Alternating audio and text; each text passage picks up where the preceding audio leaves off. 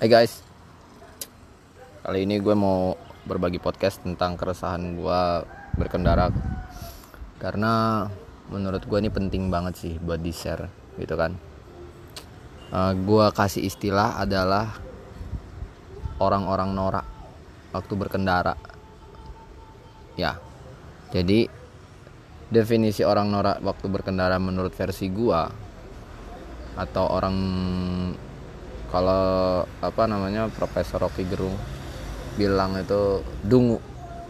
Nah gue mau cerita tentang orang-orang norak berkendara. Mungkin sebagian orang berpikir bahwa orang-orang norak berkendara adalah mereka yang ugal-ugalan bawa motornya di kendara apa di jalan raya bukan di tempatnya bukan di sirkuit gitu. Atau orang-orang yang uh, norak itu orang-orang yang suka nyalain klakson mobilnya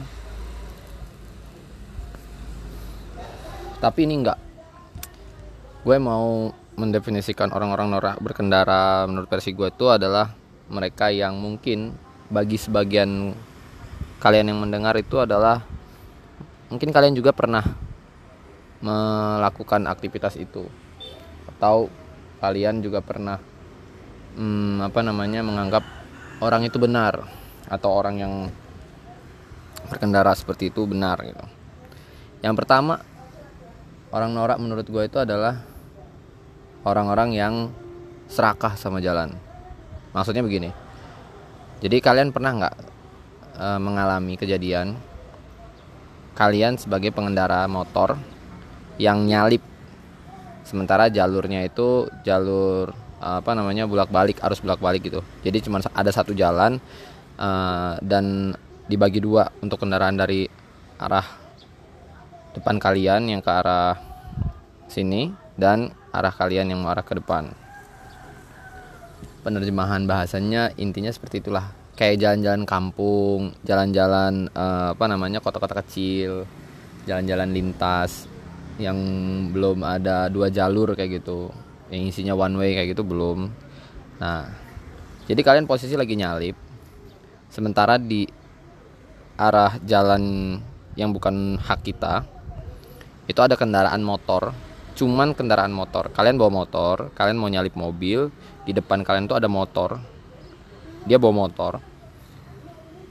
Dan si pengendara motor ini kayak seolah-olah menghalangi jalan kalian untuk nyalip dengan ekspresi wajah yang emosi gitu yang ingin meng, apa uh, apa memberi space untuk kalian nyalip itu sedikit gitu. Entah itu di pepetin banget ke kendaraan kalian. Menurut gue orang-orang yang kayak gitu tuh norak gitu. Karena dia serakah. Kecuali dia bawa mobil posisinya kalian mau nyalip dia dari lagi bawa kendaraannya dalam kecepatan yang uh, susah untuk dikontrol kalau harus uh, menurunkan kendaraannya secara cepat. Kenapa gue bilang kayak gitu? Itu jalan kan lebar ya. Kalau satu jalan untuk kendaraan bermotor roda dua itu bisa dipakai untuk tiga motor. Kalau mau dipepet-pepetin gitu. Nah menurut gue dia tuh serakah gitu. Selain serakah dia menyebabkan orang lain bisa kecelakaan. It's okay guys kalau seandainya yang meninggal atau yang cacat seumur hidup tuh dia.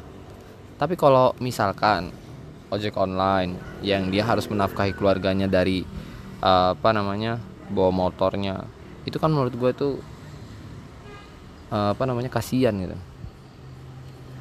Atau si pemilik mobil yang akhirnya dituntut di penjara gara-gara kecelakaan itu mengakibatkan orang lain meninggal gitu kan.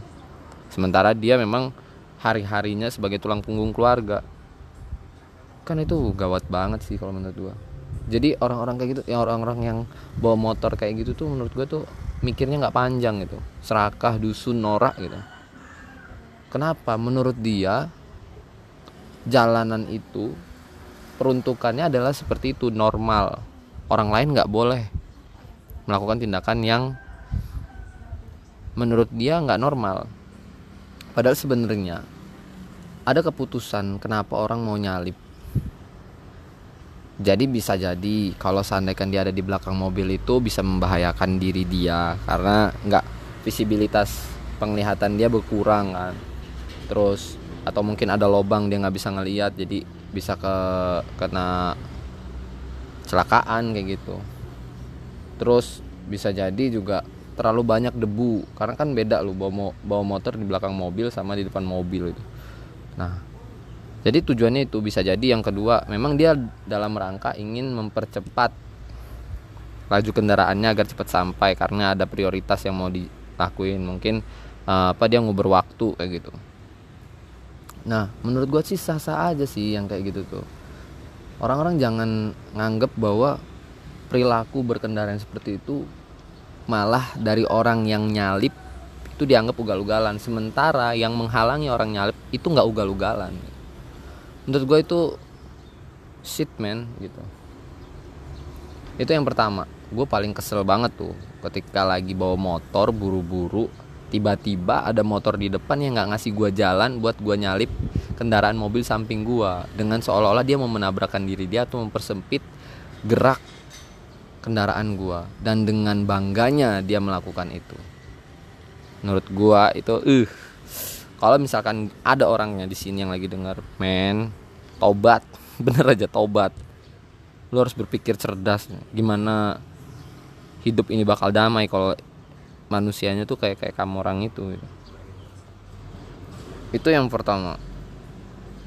Terus yang kedua uh, biasanya orang-orang yang seperti ini tuh mereka memiliki perilaku yang ada perilaku turunannya gitu. Kalian pernah nggak bawa mobil terus jalurnya masih sama kayak gitu? Terus ada motor sementara dia tuh masih jauh dan kendaraan kita tuh masih bisa nyalip. Tapi mereka kesel ketika kita berada di jalur mereka. Jadi posisinya nih jarak salipnya itu atau jarak mendahulunya itu masih ada sekitar 400 meter atau 500 meter lah gitu. Artinya eh, ruang untuk apa mendahului kendaraan yang ada di depan kita sampai dengan posisi mobil kita ada lagi di jalur kita itu cukup dan nggak membahayakan si pengendara motor ini.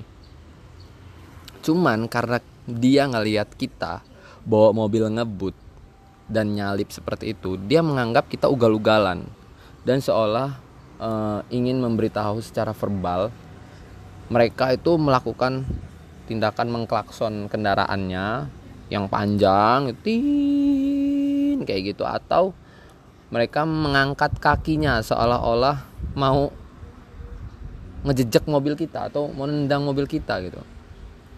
Logikanya ya gue nggak nyampe gitu loh. Orang-orang yang kayak gini tuh berpikirnya seperti apa sih gitu.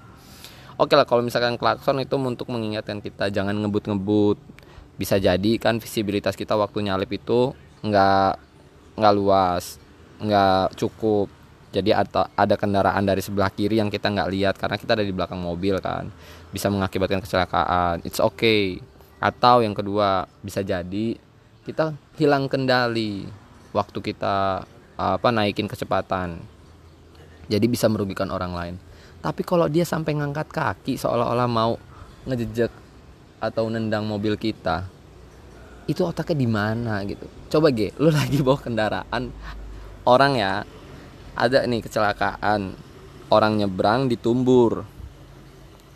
Yang ditumbur itu bakalan masuk rumah sakit. Atau minimal ada pengobatan artinya dia terluka. Bisa patah kaki patah tangan bisa lecet bahkan bisa sampai meninggal. Dan kalau orang ini mau nendang si mobil apa dia nggak mikirin sampai sana gitu?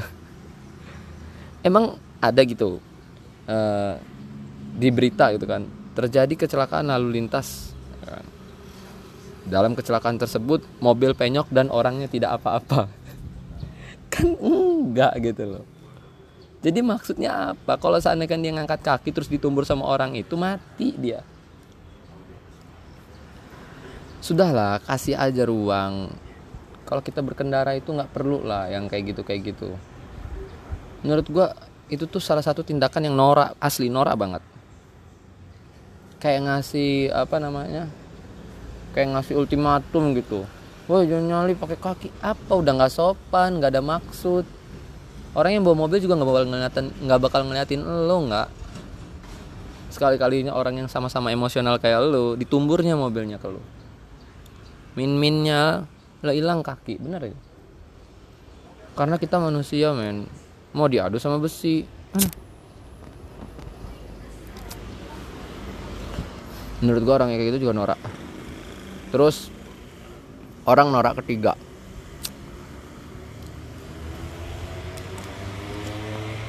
Bisa jadi ini simnya nembak minjem mobil saudara. Ini gua mau menceritakan tentang mereka-mereka yang bawa mobil.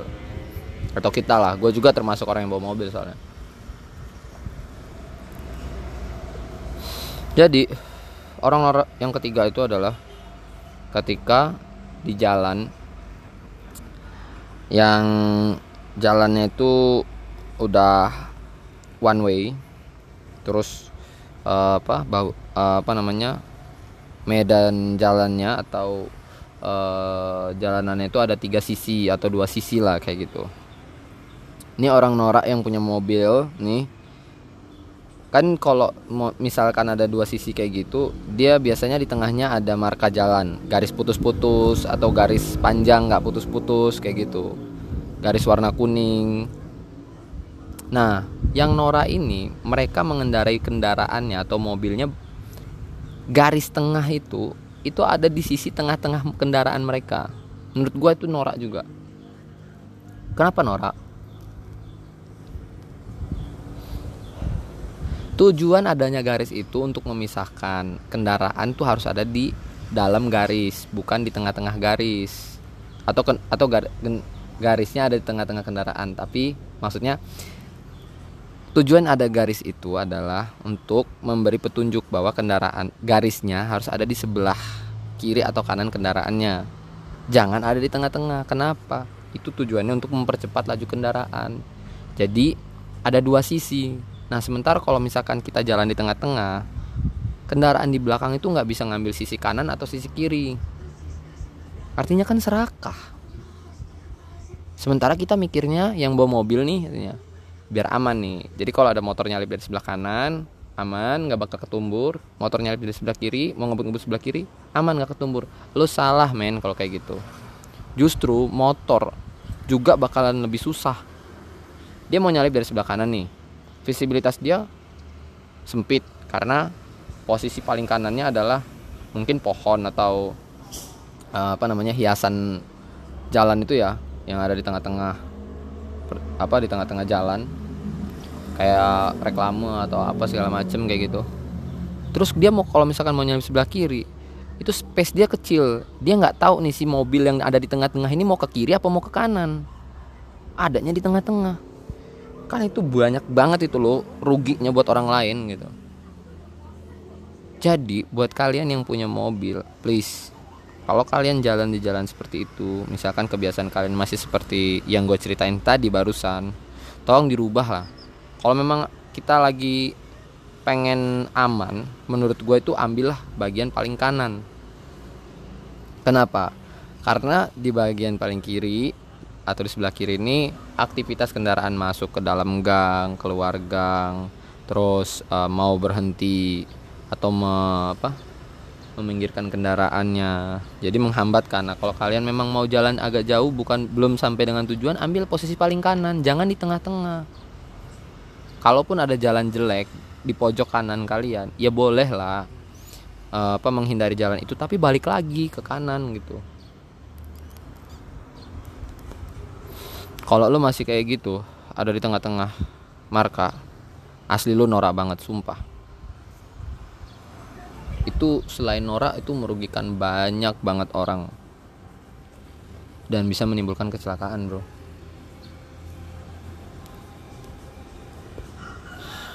Yang ketiga orang yang bawa mobil norak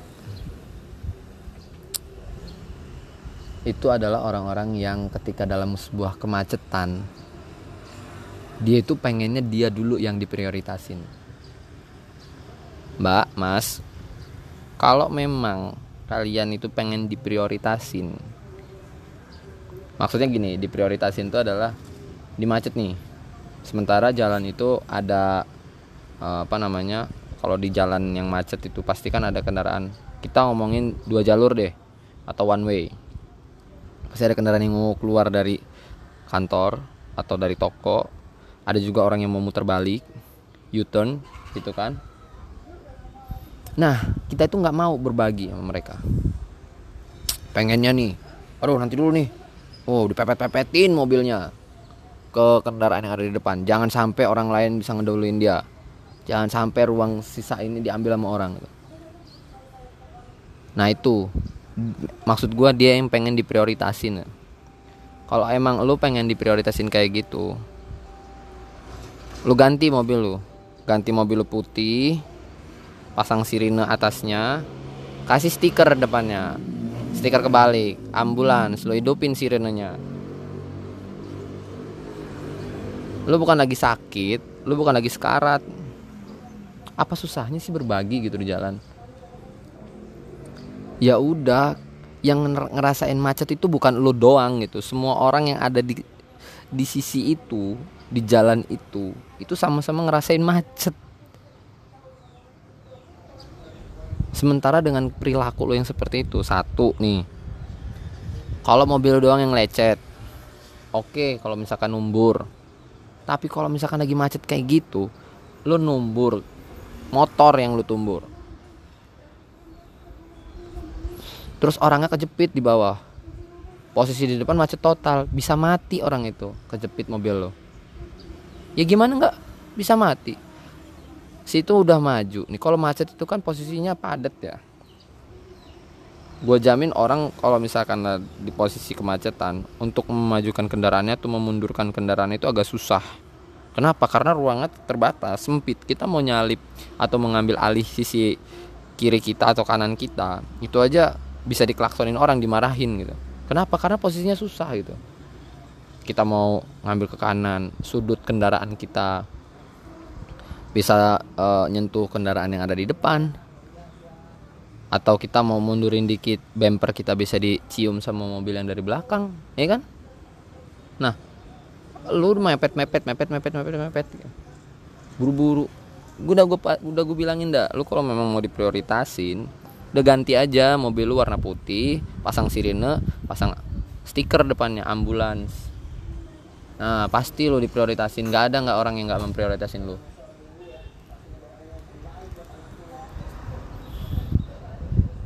itu menurut gua. Jadi gue pernah tuh kejadian. Ada mobil. Posisinya ini uh, apa namanya posisinya waktu itu ada di uh, mana ya? Oh ada di ini apa namanya perlintasan kereta api. Jadi habis ada kereta api lewat nah mobil motor ini kan lagi macet tuh kok biasanya kalau misalkan ada kereta api. Dan posisinya waktu itu memang lagi agak crowded. Uh, apa jam pulang kalau nggak salah. Jam pulang kerja. Di dekat perlintasan itu ada pertigaan. Posisi gua mau ngam, mau masuk ke pertigaan. Jadi gua mau ngambil apa mau nyebrang mau nyebrang jalan. Nah gue sebagai apa pengendara yang dari sisi mau nyebrang gue persilahkan lah. Karena gue tahu posisinya macet gue persilahkan tuh kendaraan yang dari dari seberang gue untuk masuk dulu. Lewat lewat lewat sampai beberapa kendaraan. Cukup lama lah sekitar ada 7 atau 8 kendaraan.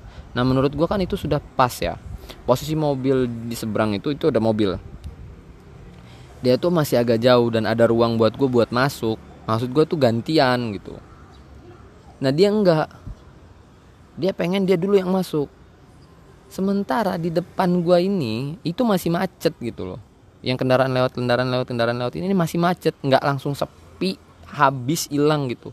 Terus gue gantian loh karena posisi motor dan mobil yang ada di sekitaran gue ini udah mulai rame dan dari belakang itu udah nggak bisa gerak gitu. Kita dulu dong yang masuk. Dia nggak dia ngelakson ngelakson ngasih lampu. Kesel kesel sama gue gue berhentiin mobil itu pas di depan mobil dia. Gue masukin tapi gue nggak langsung nyebrang gue berhentiin depan dia. Kesel gue norak banget tau nggak orang kayak gitu? Ya gue agak norak juga sih sampai berhenti di situ bukannya gue apa nggak ngeladenin. Cuman maksud gue tuh buat apa ya orang-orang kayak gitu tuh kayak nggak mikir gitu loh serakah banget hidupnya. Gue bukan lagi marah-marah sih ini. Cuman menegaskan buat kalian yang denger kalau kalian nggak suka sorry ya gue bukan mau memarahi kalian. Gue cuman kesel aja sih karena banyak faktor gitu di jalanan itu. Jangan sampailah kita ikut gontok-gontokan memikirkan kepentingan kita sendiri gitu. sampai apalagi itu bisa sampai ngecelak apa mencelakakan orang lain gitu. Dan gue rasa sih banyak orang yang berpikiran sama kayak gue untuk kalian-kalian yang masih melakukan aktivitas seperti itu please coba dirubah lah dikit-dikit nggak bisa banyak ya dikit-dikit lah. Karena itu asli norak banget sumpah aja. Jadi norak versi gue tuh bukan orang-orang yang ngebut-ngebutan di jalan kayak gitu. Yang bawanya selonong boy gitu mah semua orang udah tahu lah. Cuman ada orang-orang yang norak yang mungkin kita nggak sadar. Bahkan kita tuh ada di bagian itu gitu. Dan menurut gue itu merugikan banyak orang. Oke kegabutan pagi ini menurut gue selesai jangan banyak-banyak lah nanti jadi dosa kalau banyak-banyak karena udah dimasukin bumbu-bumbu ketidaksukaan atau subjektif Oke okay guys, thank you buat udah dengerin podcast ini. Gue doain buat yang dengerin selalu dalam limpahan kebahagiaan dan dimurahkan rezeki. Bye bye.